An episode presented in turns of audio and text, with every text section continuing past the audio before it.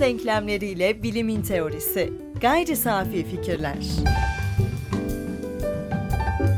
Gayri Safi Fikirlerin 64. bölümünden merhaba. Herkese merhaba. Ben Tansel Erdem Yılmaz. Ben Ömer Faikanlı. Bir önceki bölümümüzde 63. bölümümüzden itibaren bölümlerimizin e, artık büyük bir kısmında o sırada bilimde olanlara odaklanacağımızı söylemiştik. E, o bölümümüzü dinlemeyenler varsa onlar için de bir e, ufak özet geçmiş olalım. Bilimsel olayların en azından güncel bilimsel olayların büyük bir kısmı bilim felsefesinin bugününü ve geleceğini etkiliyor. Biz kendi aramızdaki konuşmalarda da bundan dem vuruyoruz. Fakat bunları ıskalamamak adına e, onları irdelemek, bu bilimsel olayları irdelemek ve bunların da e, bir ya da birkaç hafta sonrasında anlamını yitirdiği olaylardan ziyade bundan belki 10 yıl sonrasında bile anlamını koruyabilecek olaylar olması, bilim felsefesinde e, bir iz bırakabilecek olaylar olması açısından hatta genel olarak genel kültür kültürümüz içerisinde de bazı izleri olabileceğini düşünerek o tip olayları seçmeye gayret gösteriyoruz. Bize ulaşıyorsunuz. Biz de e, bu konularla ilgili e, tartışmaya özen gösteriyoruz. Bize gelen konular üzerine de e, yönlendirmeye devam ediyoruz. Bize e, gayrisafifikirler.gmail.com üzerinden önerilerinizi iletebilirsiniz. E, 64. bölümümüzde geçtiğimiz günlerde ortaya çıkan ama e, kökenleri çok uzun e, yıllara dayanan bir konu, bir tartışma konusu var. O da internet. Yani internetin kendisi değil. Fakat e, bilimsel bilgi için konuşursak diğer alanlardaki etkilerini bir kenara bırakarak herhangi bir bilimsel güncellemenin kuncu anlamda paradigma içerisinde kalan ve yine onun e, sözleriyle konuşacak olursak devrimsel bir hamlenin artık paylaşılma yönü internette ve bilgi iddiasının test edildiği mecra da artık internette. Yani laboratuvarlar bilgiyi test ediyor, bilgi iddialarını, deneyleri, fikirleri test ediyor. Fakat bu testin sonuçlandığı nokta e, arena artık internet üzerinde e, akademi olabilir, ResearchGate olabilir ya da e, sadece elektronik olarak yayınlanan hakemli dergiler olabilir. E, bu işin mecrası artık buraya kaydı. Bu da bilinmeyen bir şey değil. Kimse e, herhangi bir makale aramak için kütüphaneye gitmiyor. E, gittiği zaman da muhtemelen en erken 5 yıl öncesinin makalesine ulaşabileceği için tercih de etmiyor. E, yani şöyle bir düşündüğümüzde yeni bir bilginin çıkması makale haline geldikten sonra o dosyanın kaydedildikten ve internette paylaşılması ve aranması arasında ortalama 5 dakika var. Yani ben fikrimi ürettikten sonra 5 dakika sonra herhangi biri buna ulaşabilir. Bunun iyi ya da kötü yanları olabilir ve bu artık teknoloji ne güzeldir, e, acımızı bal eyledi gibi bir övgüye gitmiyor, bir güzellemeye gitmiyor. Artık e, bunda yaşanan bir yavaşlama etkisi var. Ondan bahsetmek için bunu açtım. E, dünyanın her yerinde yaşanan bir e, durumdur. İnternet üzerinde bazı kısıtlamalar olur, değişiklikler olur.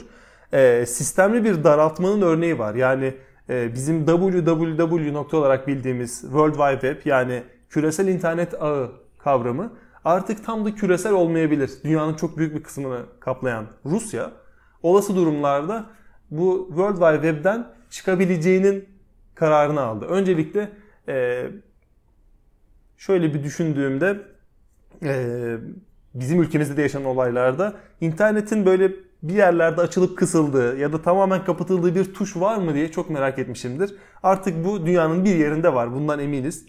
Ee, bu çok yönden tartışılabilir. Ama bağlantılı olarak biz bilim felsefesine e, ilerletebilecek şekilde ilk soruyla başlayalım. E, artık bilginin evrens evrenselliğinin kısıtlanabildiği bir durumdan bahsediyor olabilir miyiz? Şimdi hemen e, aksi bir örneği kurgulayalım. Çok da aksi mi veya karşı örnek mi çok emin değilim ama e, kurgusal olsun şimdilik. Şunu söyleyelim. E, bir anda internet kapandı. Yani hayatınıza ne değişir? Hemen panik olacağımız kesin çünkü ciddi bir alışkanlığımız kırılacak. Ama ilk panik halinden sonra kaybettiğimiz ne olacak? Şimdi herhalde bunu iki ana boyuta indirgeyebiliriz veya da iki ana boyut altında düşünebiliriz. Bir iletişimimiz kesilecek çünkü internet aynı zamanda bir iletişim ortamı. Hatta belki temel amacı zaten bu e, tüm sosyal e, medya mecralarıyla beraber işte mailleşmemiz hatta şu an cep telefonlarımızdan bile e, ona içkin olan e, SMS'leri yani küresel e, olarak mesajlaşmayı bile internet üzerinden yapıyoruz. Çeşitli işte programlarla işte WhatsApp ve benzerleriyle FaceTime'la. Ee, yani aslında buradaki iletişimimiz bile internet üzerine kaydı. Hatta bildiğim kadarıyla görüşmelerimizin çoğu da artık internet üzerinden yani sesli veya görüntülü. Ee, o yüzden en önemlisi tabii ki iletişimimiz kesilecek ve iletişimin kesilmesi veya kısıtlanması nelere yol açabileceği tabii ki çok ciddi bir tartışma konusu veya da çok ciddi bir vaka. Ama bize esas ilgilendiren ikinci boyutta internetin artık bir bilgi kaynağı olarak görülmesi. Dolayısıyla yani iletişimin de bir parçası olarak veya onu kapsayacak daha üst başlık olarak bilgiye ulaşımın kısıtlanması veya da engellenmesi ve buna bağlı olarak da bilginin dolaşımının engellenmesi. İşte bu aslında bizim alanlarımızı daha çok ilgilendiren bir problematik doğuruyor. Ama şimdi e, burada şimdilik böyle bir es vereyim ve iki adım geri bir adım ileri veya tersten yapalım. Bir adım geri iki adım ileri hızlanmak adına e, bir hamle yapalım. O da nedir? Şöyle bir hatırlatma. Şimdi e, bizim sohbetlerimizi veya da konuşmalarımızı daha uzun zamandır dinleyenler bilecektir. Epistemoloji, bilgi teorisi, bilim teorisi gibi kavramsallaştırmalar veya terimleri sıklıkla kullanırız. Hatta Epistemoloji 101 diye bir seri bile yaptık. Ama e, buradan baktığımızda şöyle bir üçlü kurmuştuk. Epistemoloji yani felsefenin temel araştırma programlarından, disiplinlerinden biri ne yapıyordu? Bilginin tanımlayıcı unsurlarını, temel koşullarını veya kaynaklarını ve nihayetinde sınırlarını ve doğruluk ve bilgi kriterlerini araştıran kurucu bir araştırma programıydı. Yani temel problemi bilgi problemiydi ve milattan önce 5. yüzyıllara kadar götürmek mümkündü. Ama 3 ve 4'te 4 ve 3'te parladığı dönemdi. Yani Platonlarla, Aristoteleslerle. Fakat daha sonra tarihsel bir değişim yaşadı. Yine ana hattıyla epistemoloji altında kalan bu araştırma programında e, bilgi teorisi diye adlandırabileceğimiz yani theory of knowledge olarak adlandırabileceğimiz bir kırılma veya yeni bir çeşitlenme ortaya çıktı. Tekrar ediyorum üst başlığımız hala epistemolojiydi elbette ama burada özellikle modern felsefeyle beraber yani Descartes'la, Locke'la veya da Francis Bacon'la başlatabileceğimiz bir süreçte ve Immanuel Kant'ta belki tipolojik örneğini göreceğimiz şekilde sağlam ve güvenilir bilginin modellenmesi aşamasına geçmişti. Yani yine bu bir epistemoloji dikkat edersek yine bilginin tanımlayıcı unsurları, temel koşulları araştırılıyor. Ama burada sağlam ve güvenilir bilginin bir modellenmesi var bu epistemologlarda veya teorisyenlerde. O yüzden de belki sıklıkla dillendirdiğim felsefenin temel ilkelerinden, daha doğrusu düşünmenin temel ilkelerinden biri yani gerçeklikteki her fark kavramsal bir farklılaştırmayı gerektirir ilkesi gereği. Bunu artık epistemolojinin bir alt dalı olarak bilgi teorisi dedik. Yani genel olarak bir e, bilgi arayışında, bilginin olanağı arayışında değil, sağlam ve güvenilir bilgi olanaklı fakat nasıl modelleyeceğiz arayışında. Bunun bir sonraki çeşitlenmesi yani evrimsel bir süreç olarak da kavrayabiliriz. Teorik evrimsel bir süreç olarak. Buna da bilim teorisi demiştik. Bu da 19. yüzyıldan sonra özellikle Auguste Comte'la başlayan süreçte bilimin ve bilimselliğin tanımlayıcı unsurlarını araştıran yani sınırlandırma ayracını kendine problem edinen, bilimselliğin dinamiğini kavramaya ve modellemeye çalışan bilimsellik içerisindeki çeşitlenme ve eleme mekanizmalarını araştıran bir alt araştırma programıydı. Şimdi bu üçlümüzü hatırlayalım. Epistemoloji, bilgi teorisi, bilim teorisi. Bilgi teorisi ve bilim teorisi de epistemolojinin alt çeşitlenmiş araştırma programları. Yani hepsine epistemoloji demekte bir sıkıntı yok.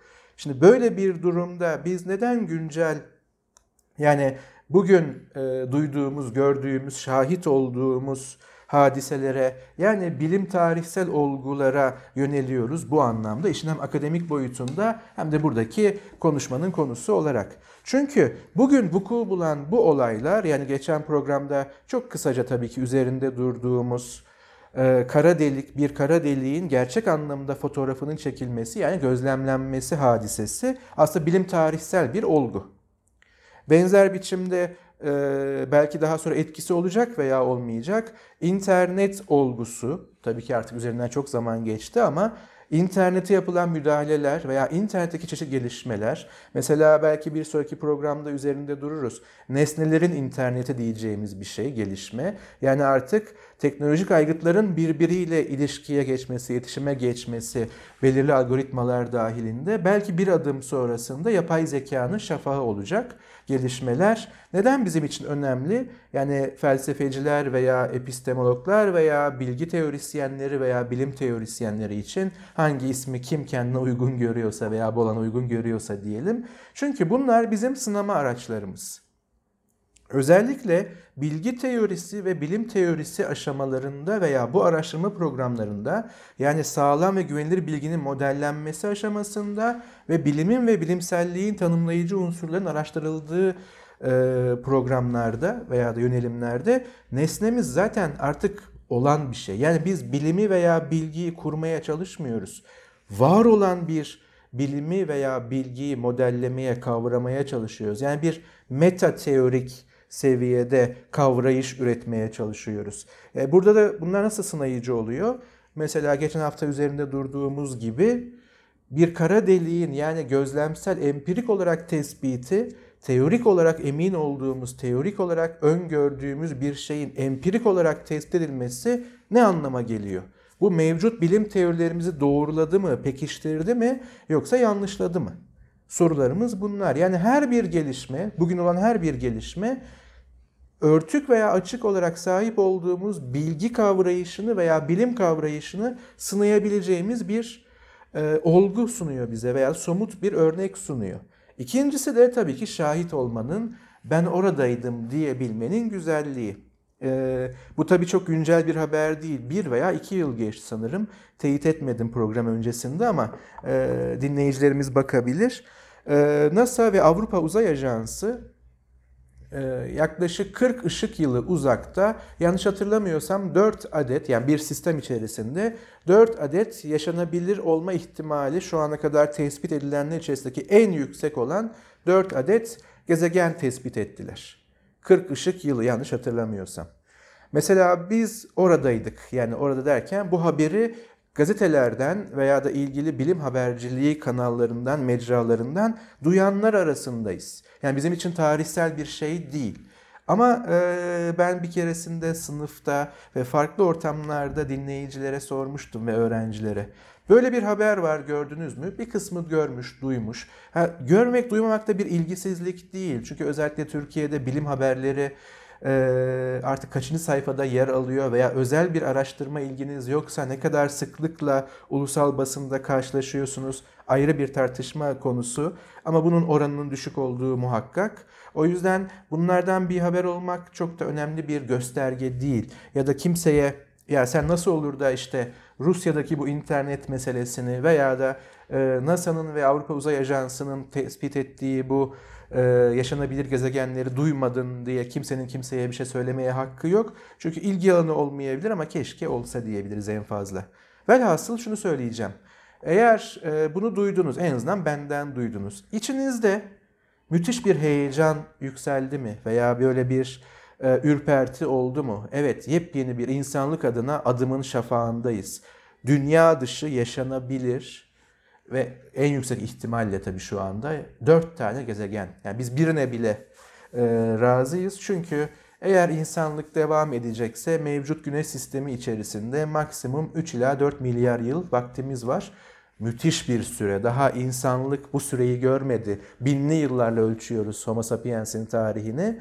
Aşağı yukarı 50 ila 100 bin yıl arasında 4 milyar yıl ne demek düşünün. Ama sonuç itibariyle mevcut bilgimiz bizi yanıltmıyorsa bu güneş sistemi varlığı sona erecek olan yani yaşanabilirlik e, koşullarını kaybedecek olan bir sistem. Yani bizim bir şekilde dünya dışına kolonilerimizi kurmamız gerekecek. Ütopik görünse bile işte bunun en önemli adımlarından biri.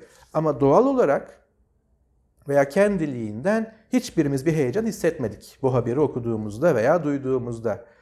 Neden? Belki bundan bin yıl sonra, yüz yıl sonra, beş bin yıl sonra bu süre tabii ki öngörülemez. Birileri bilimin tarihini yazarken veya insanlığın tarihini yazarken çok daha geniş kapsamda o günü çok önemli bir gün olarak yazacaklar. Yani insanlık yaşanabilir gezegenleri işte 2016 veya 17 yılında ilk kez keşfetmişti veya tespit etmişti ve biz şimdi işte galaktik e, federasyonumuzda bugünü kutluyoruz denecek belki de. Bu aslında tarihsel olayların hemen hepsinde geçerli. Ben e, yüksek lisans e, tezimi ortaya koyarken ve onun öncesinde de e, bir kişisel ilgi alanı olarak tarihsel e, bizim devrimsel olarak e, düşündüğümüz olayların yani e, tarihin e, o düzenli ilerleyişinde bir çıkıntı yaratmış, bir kırılma yaratmış olayların o esnasında yani tam olarak o anı gittiğimizde neler olduğu hep merak edilmiştir. Özellikle e, kendi alanında ve kendi çevremde bunun merakını taşıyorum. Yani e, bundan bir yıl sonrasında yaşanabilir gezegenlerin bulunmuş olması her neyse e, bundan 500 yıl önce Kopernik devrimi olarak adlandırdığımız ya da Galile devrimi ya da herhangi bir devrimi adlandırdığımız o anda da e, Kopernik e, eserini yazdıktan sonra hadi bakalım bugün devrimimizi gerçekleştirdik biraz da gidelim e, kendimize kahve yapalım dememiş. Yahut İstanbul'un fethi gerçekleştirdiğinde bu dünya için e, çok e, mühim olmayabilir. Yani bizim için bir çağ açıp kapatmış olabilir ama dünya için çok büyük bir etkisi yok ama e, o alan içerisinde bile, o askerler içerisinde bile savaşımızı bitirdik, evimize dönüyoruz dendi. Kimse bunun 500 yıl, 600 yıl sonra müthiş bir şekilde anılacağını düşünmedi. Herhangi bir savaş olarak değerlendirildi. Hatta belki de umursanmadı bile. Yani bütün aslında devrimler yahut bizim devrim olarak adlandırdığımız biraz daha ölçeği küçültürsek önemli adettiğimiz şeyler yaşandığı anda çok büyük etkiye sahip olmayabiliyor.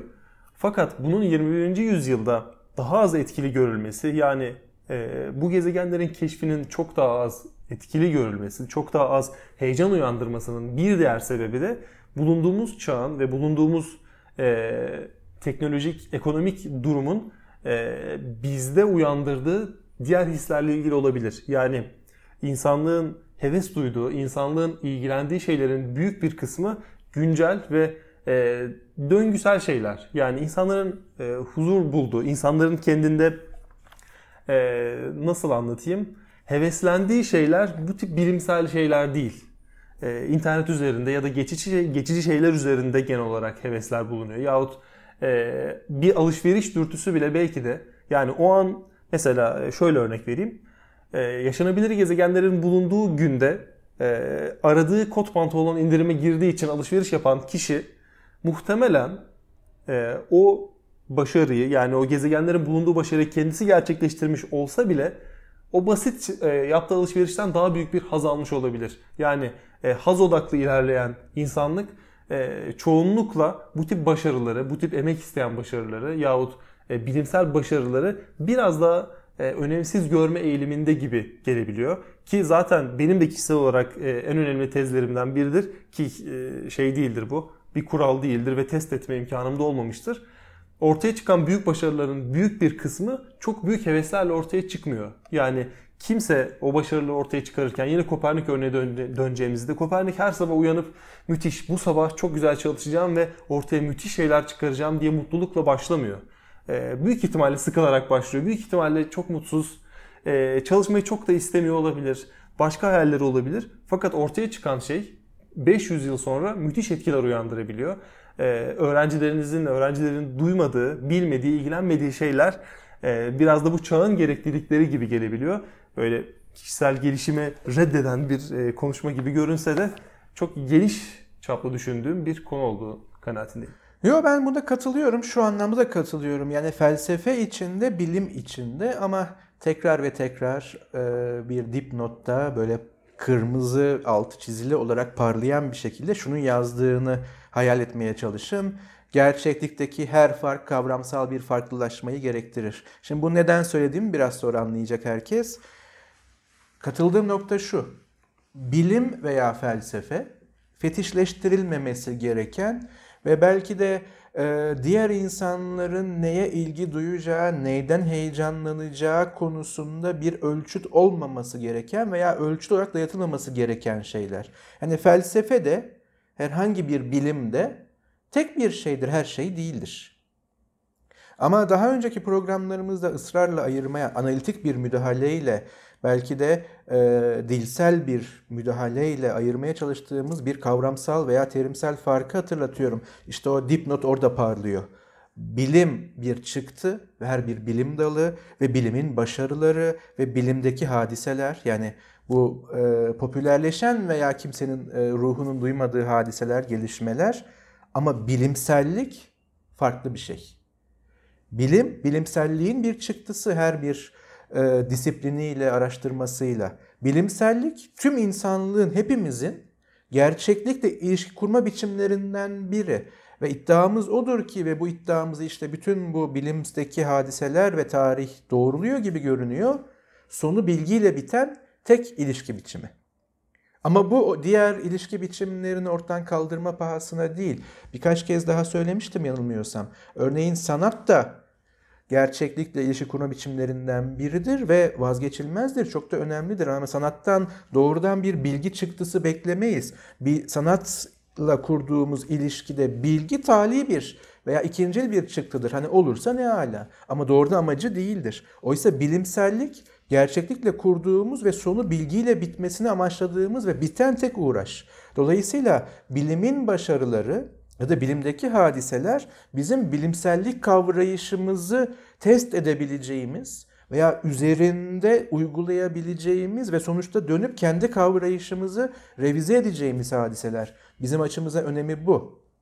Yani söylediğin şey doğru. İşte 40 ışık yılı uzakta gezegen keşfedilmiş. Ya ne yapayım benim aradığım veya istediğim pantolon indirime girdi mi? Tabii ki bu daha önemli bir kaygı olabilir o bireysel yaşam içinde. Ama şu tam o arayışı içerisinde yani istediğim pantolon indirime girdi mi ararken deminki konumuz olan unutmadık yani internette bir enformasyona, bir malumata rastlıyor. Kot pantolon giymek kanser yapıyor. Hatta altında üstünde şunlar yazıyor. Bilim insanları uyarıyor. Kot pantolon giymek kanser yapıyor. Şimdi buradaki davranışı ne olacak? Şimdi bununla 40 ışık yılı uzaktaki gezegenin keşfinin dinamiğini anlamak, kavramak arasında doğrudan bir ilişki var. Çünkü günlük yaşamda şunu soracaksın. Epistemolojik bir soru. Bilgi teorisini ilgilendiren bir soru. Bilim teorisi olmadan cevaplayamayacağım bir soru. Bu iddia, bu malumat iddiası, bu malumat veya informasyon bilimsel bilgi mi değil mi? Doğru mu yanlış mı? Epistemolojik olan bu. Epistemolojinin terimleri bu. Doğru ve yanlış. Peki herkese soruyorum. Doğru nedir biliyor musunuz? Doğruluk, epistemolojik anlamda doğruluk veya epistemolojinin araştırma nesnesi olan bilgi ve diğer araştırma programlarının konusu olan yani bilim teorisinin konusu olan bilim ve bilimsellik size soruluncaya kadar herkesin bildiği terimler ve kavramlardır. Ve çok da kıymet verdiğimiz kavramlardır. Yani bilimsellik çok önemli efendim deriz. Peki nedir bilimsellik? Bilimsel olanla bilimsel olmayanı ve buna bağlı olarak bilimle bilim olmayanı ve bunun da çıktısı olarak doğru bilgiyle saçmalığın birbirini ayıran kriter ne? İşte tüm uğraşımız bunu kavrayabilmek ve bu o pantolonu seçmekle 40 ışık yılı uzaktaki gezegenin keşfi veya da e, bir kara deliğin gerçekten fotoğrafının çekilmesi arasında doğrudan bir ilişki kuruyor. Bizim her zaman e, andığımız Doktor X veya Profesör X'in bu X-Men'deki Profesör X değil bilenler bilir. Söylediği gibi doğal olan her şeyi yiyin bol bol. Hiçbir şey olmaz. Baldıran zehir de doğaldır. Pek çok mantar türü doğaldır ama yemek çok iyi sonuçlar doğurmaz. Ama bunu söyleyen ve bunu internette göreceksiniz büyük bir ihtimalle doğru mu değil mi? Doğru yanlış e, meselesinin tam ortasında yer alan ve büyük ihtimalle doğrudan da kuvvetli etkiler var. Bu etkilerden ilki sen e, işte pantolonu için araştırma yaparken e, kot pantolonların giyilmesi kanser kanser yol açıyor haberini görmüş o kişinin ne yapacağından bahsettin ve bilim insanları da bunu söylüyormuş dedi. Büyük ihtimalle yanında bir arkadaşı vardır ve ona bu haberi gösterir. Arkadaşı da der ki hayır benim amcam kot pantolon fabrikasında çalışıyor ve e, hiçbir şekilde kanser yapmadığını söyledi der ve bilim insanlarının bilgisinden üstün çıkar. O da e, bizim daha önceki bölümlerde tartıştığımız post-truth çağında bulunmamızın bir etkisidir. Bu yüzden doğru yanlıştan ziyade e, kime göre neye göre gibi bir e, fonksiyon vardır bilirsin. E, işte tek bir doğru yoktur, e, duruma göre değişir gibi farklı fonksiyonlar vardır post-truth evreninin Türkiye'deki yansımalarının. Bu yüzden e, kot pantolonla ilgili aramalarını devam ettiren kişiyi bilim insanlarının ne söylediği hatta eli biraz yükseltirsek bilim insanlarının ne kadar şaşırdığı, ne kadar şaşırttığı, ne kadar şokta olduğu pek ilgilendirmez. E, ilgilendirmediği durumda da kot pantolon alır ve e, bu hipotetik bir evren olduğu için kanser olur. Kanser olduğunda bu sefer yakın arkadaşına yine gider. Arkadaşı der ki e, bunun çözümü var. E, gideceksin güzel avrat otunu bacaklarına süreceksin der. Onu da yapar çünkü post evreni onu yavaş yavaş e, mutlu etmiştir. Fakat yine çözüm olmadığında bu sefer e, şaşıran bilim insanlarının şaşkınlığının bitmesini bekler ve onlardan yardım ister. Yani önünde sonunda bu işin sonu bilgiyle biter. Senin e, daha önceki programlarda e, sıklıkla vurguladığın gibi bilgi oradadır. Biz onu yok sayabiliriz. Fakat e, bir gün ona çarpacağız ve o bilginin gerçekliği kendini bir şekilde gösterecek. E, biraz geç de olsa anlaşılabilir. Fakat anlaşılacağı kanaatindeyim.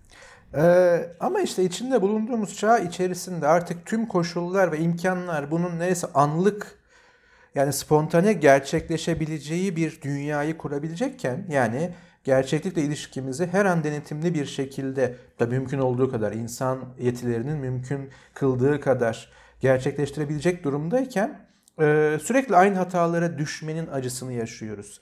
Yani biz tekrar Rusya'daki bu yerel internet veya kısıtlı internet e, hadisesine dönelim. Bunun tabii ki çok çok daha sıkı uygulamalı. Mesela bildiğim kadarıyla Kuzey Kore'de var motivasyonlar tamamen farklı olsa bile. Çünkü haberden anladığım kadarıyla Rusya aslında bunu bir önlem olarak geliştirdi ve denedi. Yani tüm internet bağından yani e, dünya çapındaki ağdan kopsak bile iç iletişimimizi nasıl devam ettireceğiz denemesiydi bu esasen. Yani bu bir devlet politikası olarak bir altyapı sınaması veya da buna benzer bir şeydi. Ama mesela Kuzey Kore tamamen denetleyici bir yöntem kullanıyor. Yine bildiğim kadarıyla. Hani özel bir araştırma yapmadım ama bu artık genel bilgi seviyesine yükseldi. Veya şu tartışmalar her ülkede e, yapılabiliyor. E, enformasyon veya malumatın paylaşımında ve gerçek anlamda bilginin paylaşımında bir kısıtlama veya denetim hangi ilkelere göre yapılır veya yapılmalı mıdır? Şimdi şöyle düşünün yani her önüne gelenin bir blog açabileceği veya kendi sosyal medya mecraları, hesapları üzerine istediği her şeyi paylaşabileceği bir dünyada. Ya tamamen ben malumat, bilgi, enformasyon seviyesinden düşünüyorum. Yani hakaretler, şundan hani her şeyi yazabilmek, yazamak o denetimden değil. Bilginin veya e, enformasyonun veya malumatın veya fikirlerin paylaşılması konusunda nasıl bir kısıtlama veya denetim olmalıdır? Veya tersten düşünelim. Bunlarla karşılaştığımız zaman yine epistemolojik anlamda doğru ve yanlış kriterleri yani eleğiyle nasıl bunları değerlendirebiliriz? Yani bunlara sahip miyiz? Doğruluk ve yanlışlık nedir? Epistemolojik anlamda veya bilgiyle bilgi olmayan nedir? Daha da e, uç noktada bilgiyle saçmalık arasındaki fark nedir'in en azından tutarlı ve nesnel bir kriterine, kavramsal kriterine bilinçli olarak sahip olmadan her gördüğünü bilgi sanmak gibi bir şeye kapılabiliyoruz. Ee, peki o zaman bu mesela bir üst merci hem de yani iyi niyetli ve insanların e, kafalarını karıştıracak ve yanlış uygulamalarla, gerçeklikle, kötü yüzleşmelerle sonuçlanmaması için denetleyecek bir mecraya veya da bir otoriteye mesela evet der miyiz? Yoksa bu zaten bilimin veya bilimselliğin doğasına aykırı bir otorite mi olur? Yani her şey iyi niyetli. Bir sansür tabii ki aslında temel anlamda bir sansür ama iyi niyetli ve iyi amaçlarla ve doğru kurgulanmış bir sansüre evet der miyiz? Yani öyle her aklına gelen her şeyi yazmasın. Bu işin uzmanları, bilenleri var noktasına gelebilir miyiz? Ama işte yine bunu soruyu cevaplayabilmek için bilgi nedir, bilim nedir ve böyle bir sansür mekanizmasının otoritesi kim olacak, hangi hakla ve hangi ehliyetle ve hangi bilgiyle sorularını soracağımız için bilim teorisinin veya bilgi teorisinin labirentlerine girmeden ve tatmin edici, gerekçelendirilebilir bir teori ortaya koymadan ve bu teoriyi de mevcut bilimsel hadiselerle sınayıp bu sınamalardan geçirmeden çok kolay cevaplar veremeyiz. Yani vereceğimiz tüm cevaplar fazlasıyla değer yüklü olacaktır. Yani biz nasıl istiyorsak veya neye değer veriyorsak ona göre olacaktır. Ama şöyle bir başka yerden de bakabiliriz mevzuya. Ee, internetle belki yine tarihsel bir gelişim olarak ve teknolojik bir gelişim olarak mesela matbaayı kıyaslayabiliriz. Hani bizde bir e, artık geyik muhabbeti seviyesinde bir şey vardır. Matbaa bize geç geldi efendim o yüzden bu kadar her şeyi kaçırıyoruz.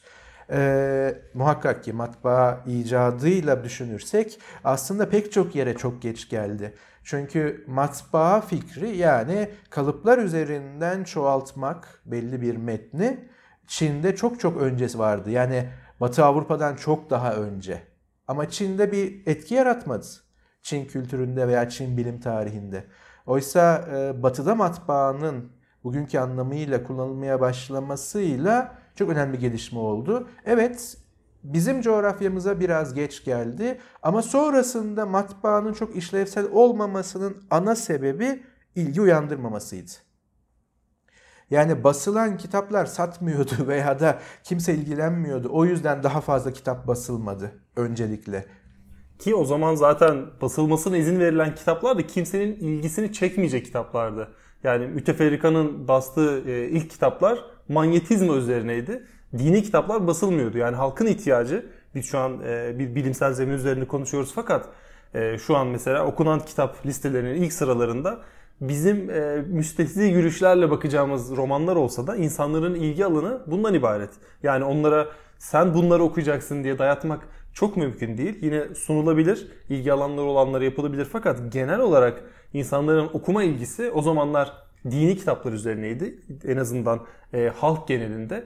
Halkın bunları okuması bile yasaktı. Yani e, kurulduğunda e, dini kitapları basma, Kur'an-ı Kerim'i basma, ne basarsan bas dendi ve zaten ilgi alanı olan kitaplar da basılmadığı için e, ilgi iyice azaldı. Ama şöyle bir, e, yani tabii ki bu işin başka üzerine çalışmış ve bilgi birikimi bizden çok daha fazla olan birilerinden tekrar dinlemek gerekebilir. Ama burada yani ben yasak mekanizmasının çok çok etkili olduğunu düşünmüyorum.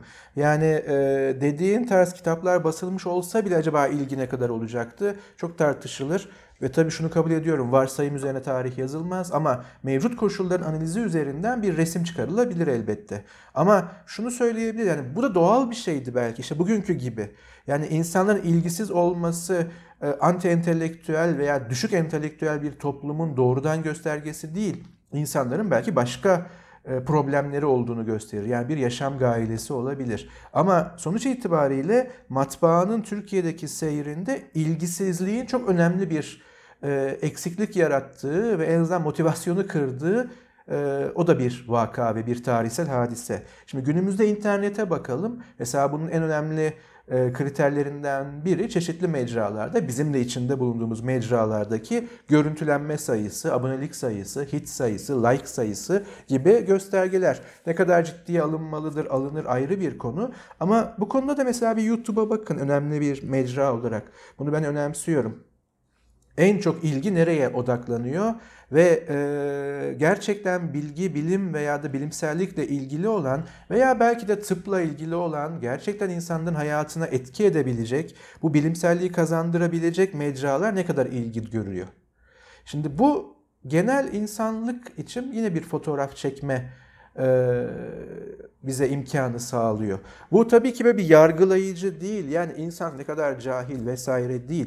Ama dediğim gibi bir hadise olurken oradaydım diyebilmek ve bunu kendi dünyanıza kavramsal olarak katabilmek, dünyada bu da oluyor diyebilmek ve bu katmışlıkla, bu kavramsal şemayla kendi problemlerine yönelmekle bir haber olup işte o e, popülaritenin veya ilginin veya ilgisizliğin rüzgarında esiyor olmak hangisi tercih edilir? Bunu artık herkesin kendisine bırakalım.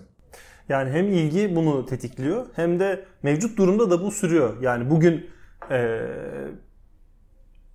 yaşlı olarak adedebileceğimiz bir akademisyenin yanına gittiğimizde halen interneti reddediyor ve ya şu interneti kapatsak mı dendiğinde ya kapatalım çocuklar bunlarla uğraşıyor diyebilir. Yani bu tıpkı şey gibi matbaa döneminde e, tam olarak anakronik bir yaklaşım olabilir ama matbaa döneminde de bu tip bir ilgisizlik olabilir ki e, internetin şu anda e, yükselişine baktığımızda ve YouTube'a baktığımızda bu işin bir eğlence yönünden e, yükselip bilimsel etkinliklerin de arkasından e, sürdüğü görülebilir. Yani Facebook ortaya çıkıyor, YouTube ortaya çıkıyor, ardından akademi ortaya çıkıyor. Yani bu işin tetikleyicisi biraz da insanlara e, eğlenme güdüsü, insanların ilgisini çekecek, yani toplumun ilgisini çekecek şeyler ortaya çıktıktan sonra internetin bu tip bir yükselişe eriştiğini tahmin edebiliriz ve e, en azından benim öngörüm bu yönde. Yani internet için biliyorsun şu söylenebiliyor. Aradığın her şeyi bulabilirsin. Her şeyi.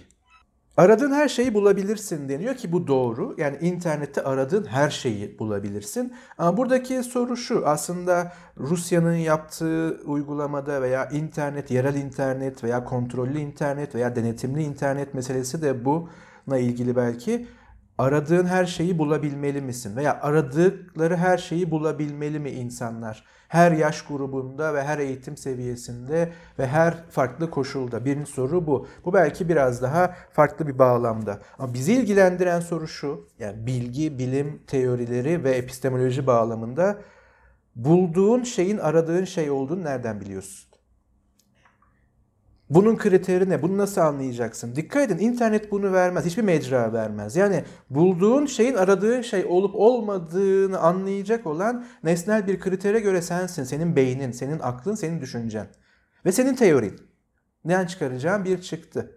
Çünkü şununla çok sık rastlaşıyoruz. İşte o eski hocalar kadar eski değilim. Eski hoca olmak da kötü bir şey değildir. Onu hemen söyleyeyim ama ee, ya bizim zamanımızda öyleydi, kitap okuyorlardı falan değil. Yani tabii ki internete bütün makalelerin, bütün veri tabanlarının geçmesini isteyen biriyim ve geçiyoruz da bu benim isteyen bağlı bir şey değil.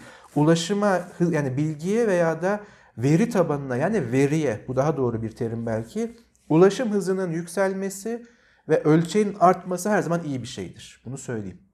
Ama sorun baki aradığım şeyin Bulduğum şey, daha sonra bulduğum şeyin aradığım şey olduğunu nasıl bileceğim, nasıl anlayacağım? Burada şöyle bir kriter var. Ee, işte öğrenci arasında şu olabiliyor. Herkes arasında olabiliyor. Ben bunu her e, eğitim e, grubundan veya seviyesinden duydum. İki örnek vereceğim sonra topu sana atacağım. Birincisi bir şey söyleniyor. Bakın doğru da olabilir. Ama hatırlatıyorum doksa episteme ayrımını. Doksa yani kanılarımız da doğru olabilir ama bilgi değildir bu anlamda. Klasik bilgi tanımını tekrar hatırlatayım yeri gelmişken doğruluğu gerekçelendirilebilir ifadeler. Ama doğru ifadeler hasbel kadar aktarılmış olabilir. Onu tekrar ediyor olabilir ama papağan da bunu yapıyor unutmayalım. Yani papağana E eşittir mc kareyi öğretebiliriz. Eğer bunu söylemeyi de tercih ederse. Ve sürekli E eşit mc kare, E eşit mc kare dediğini düşünelim. Papağan fiziği biliyor diyecek miyiz? Ve biz ne kadar farklıyız deyip parantezi kapatayım. Şunu söyleyebiliyorlar. Bir ifadede bulunuyor veya bir e, değerlendirme veya bir yargıda bulunuyor. Sonra şunu soruyorsunuz. Nereden biliyorsun? İnternette yazıyor. Veya internetin belli bir sitesinde yazıyor. Yani adreste verecekse. Bu bir kriter mi ve bu bir yeterli nesnel ölçüt mü geçendirme için? Yani e, bir kongrede şöyle bir şey yaşamıştık değil mi? Her eğitim seviyesinden, her mecrada. Ee, Çin bilim tarihiyle ilgili bazı ifadelerde bulundu bir hocamız oradaki. Yani akademi içerisinde olmasından dolayı hocamız diyorum. Doğrudan tanıdığım biri değildi. Ee, ve dinleyici arasından şöyle makul bir soru soruldu. Ee, belirli bir tarih öncesinde Çin kaynakları oldukça kapalı ve kısıtlı ulaşabilmemiz açısından. Yani buraya ulaşabilmeniz için Çin arşivlerine gitmeniz gerekiyor ve iyi Çince bilmeniz gerekiyor doğal olarak. Ve tabi bunlar belirli izinlere ve meşakkatli bir çalışma temposuna bağlı olan şeyler. Hocam bize verdiğiniz, yani soru böyle soruldu. Hocam bize verdiğiniz bilgiler müthiş.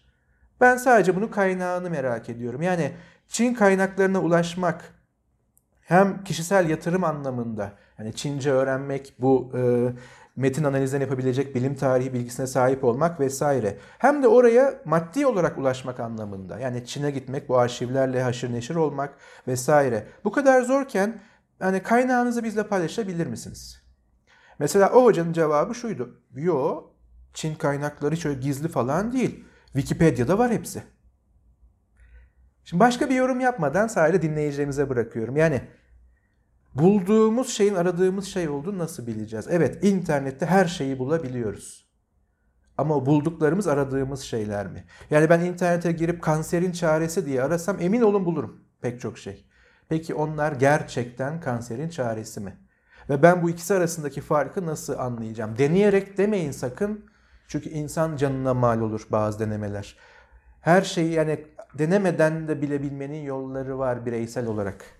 Bulduğumuz şeyin aradığımız şey olduğu tartışması çok e, geniş yayınlı bir tartışma ve biraz da burada e, evveliyatında alıntılar yaptığımız Harari'den bir şeyler alıntılayarak e, yorumlayacağım.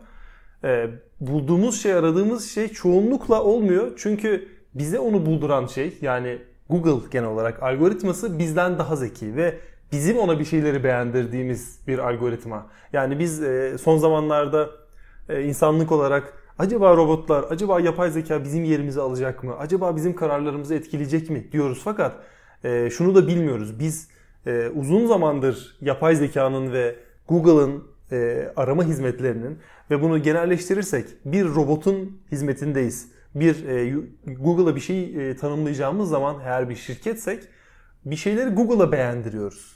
Google onu beğenmezse öne çıkarmıyor. Bizim de kendi YouTube kanalımız var, var ve orada YouTube'a beğendiremezsek o hiçbir şekilde görüntülenmiyor. Yani birilerine bir şeyleri bulduran şey yine bir yapay zeka ve e, bir algoritma sistemi. Yani biz bir şeyleri buluyorsak büyük ihtimalle e, bize bulduran sistem onu öne çıkarmak istemiş ve onu uygun görmüş oluyor. Ki bu durumda da biz bir şey aradığımızda ve bulduğumuzda bir şeylerin etkisinde kalabiliyoruz. Direkt olarak aradığımız şeyi bulduğumuzu söylemek çok zor. Ee, işin teknik kısmında elbette ama sadece şöyle düzeltme yapayım. Ee, yani kendimce tabii ki fikir anlamında ee, doğru yani e, algoritmalar aradığımız şeyde yani bir şey ararken bizi bir yerlere yönlendiriyor veya bir şeyleri bize buldurmak için daha öne çıkarıyor ama diğerlerini kapatmıyor. Yani diğerini tamamen ortadan kaldırmıyor veya saklamıyor. İkincisi e, şöyle bir tehlike olabilir böyle düşünmekte.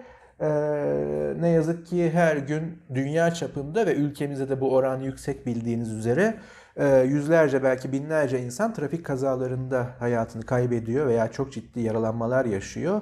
Ve bizim hatırlarsanız e, yani internete tabii ki bu yansıdı ama o zamanlar e, basılı yayın organları daha e, güçlü ve yaygındı. Hepsindeki manşetler aynıydı. Trafik canavarı.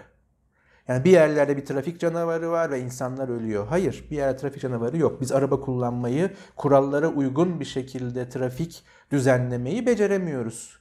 Bunu yapıncaya kadar da ölmeye ve yaralanmaya devam edeceğiz. Bu da bir algoritma, bir yer bir yapay zeka var veya bir sistem var değil. Bu sistem elbette çalışıyor ama bu sistemin koşulları veya kriterleri şu. Herhangi bir şeyi sana sattıracak olan ve daha çok e, beğendirecek olan e, parametreleri belirleyip bunlara göre öne çıkarıyor. Dolayısıyla bunları belirleyen şey de şu. Genel itibariyle kitlelerin bu kelimeyi, bu sözcüğü bile konu kitlelerin beğenileri veya ilgileri. O yüzden aslında biz neye doğru yöneliyorsak algoritma da ona göre düzenliyor diğer aramaları. Yani biz binlerce kişi tek bir sözcüğü arıyorsak Google o sözcük üzerinden bir şeyleri öne çıkarmaya başlıyor. Ama burada böyle bir şeytani yapılanma veya bir sistem veya da arkada bir şey yok. Hepimizin toplamı tek tek öyle değiliz. Ama hepimizin toplamı dönüp ulaşıp tek tek bizleri etkiliyor. İşte yaşadığımız dünya ve bilgiyle kurduğumuz ilişki ve bilimselliği nasıl kavradığımız ve uyguladığımız genel itibariyle önce tabii kendi yaşamımızı ama sonra o tek tekler üzerinden dönüp ulaşıp başkalarının yaşamını etkileyecek. O yüzden aradığımız şeyle bulduğumuz şey arasındaki örtüşme veya farklılığı kavrayabilme becerisi, yetisi, bilgisi bizim için yaşamsal. Hem internette hem dünyada. Ama internet için şu uyarlamayı yapabiliriz. Bu bambaşka bir bağlamdan gelir. Şöyle bir söz vardır. Ee, arayanlar asla bulamazlar ama bulanlar daima arayanlar içinden çıkmıştır. Bunu internet üzerinden bir düşünelim. Umarım arayanlar aradıklarını bulurlar. Fakat e, diğer seçenekler asla gizlenmez dediğine kısmi olarak katılmıyorum. Çünkü Google ekranını aklımıza getirelim. Kara delik araması yapıyoruz ve aşağılara doğru indiğimizde orada ufak bir bar var. O barda diğer sayfalara geçme e, tuşları var. Şöyle bir düşünelim. Kaç aramamızda ikinci sayfaya geçiyoruz ve kaç aramamızda ilk sayfanın ilk 3 satırıyla ilgileniyoruz. Ki bu ilk 3 satırda genel olarak bizim iki bölüm öncesinde konuştuğumuz vasatın yani ortalamanın ilgilendiği şeyler ve o ilk 3 e, aramanın ilk satırında kara delik bizi kanser yapar mı da çıkabilir. Yani aradığımız şey dışında bulduğumuz şeyler acaba bizi üzecek şeyler olabilir mi diye de şöyle bir soru işareti ortaya atmak istiyorum. Hemen şöyle bir şey ekleyeyim. Ee, bugün böyle biraz uzun sürmüş olsun. Çünkü iki haftada bir artık yapıyoruz. Ee, en azından onu affettirmiş olalım. Ee, bu CERN'de yapılacak deney kurgulanırken hatta artık yapılma aşamasına gelmişken şöyle bir iddia vardı. Bakın bu bilimsellik anlamında işin e, fizik ve akademi boyutunda tartışıldığı şekliyle değil. Güncel olarak yani popülize edilmiş kısmından bahsediyorum. E, bu çarpıştırma sonucunda mikro ölçekte kara delikler oluşabilir mi? Oluşursa bu dünyaya ve dünyadaki yaşama zarar verebilir mi? Bilimsel karşılığı hiç olmayan, neredeyse hiç olmayan bu tartışma yani tuhaf bir şekilde popülerleşti. En azından tabii böyle kitleler şeklinde değil de demek ki e, birinin böyle eline mikrofonu alıp bir haber kanalının ana haberinde sondan ikinci popüler e, haberler içerisinde koyacağı 10 dakikalık bir boşluk doldurma haberi. 10 dakika sürmemiştir, bir iki dakika sürmüştür ama kadar popülerleşmiş demek ki. Mikrofon uzatıldığında Türkiye'den bir vatandaşımıza e, şunu söyleyebilmişti. Ya kara kara bulutlar görüyorum. Tuhaf hava hiç bu böyle olmaz. Bu CERN'dekiler ne yapıyor veya bu bilim insanları ne yapıyor? Tabii o CERN olarak demiyordu ama e, hatırladığım kadarıyla söylüyorum tabii şu an zihnimden. Bu bilim insanları ne yapıyor? Bunların devletten izin alması lazım.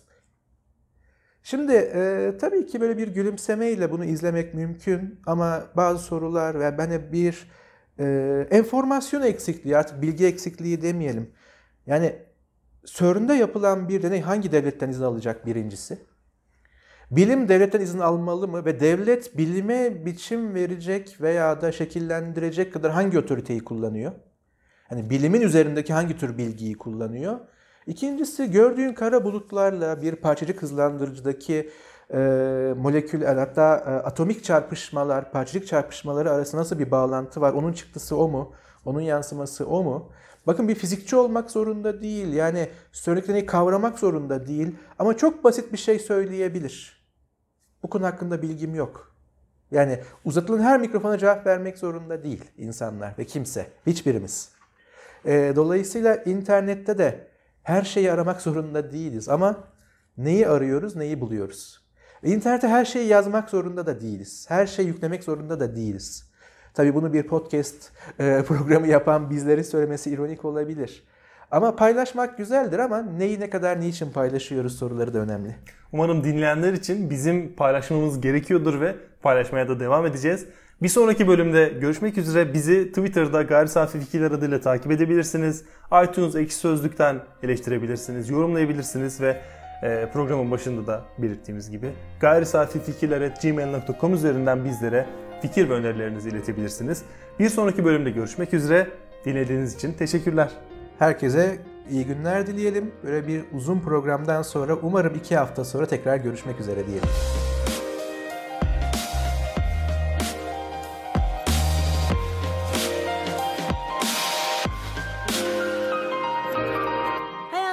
Denklemleriyle bilimin teorisi. Gayri safi fikirler.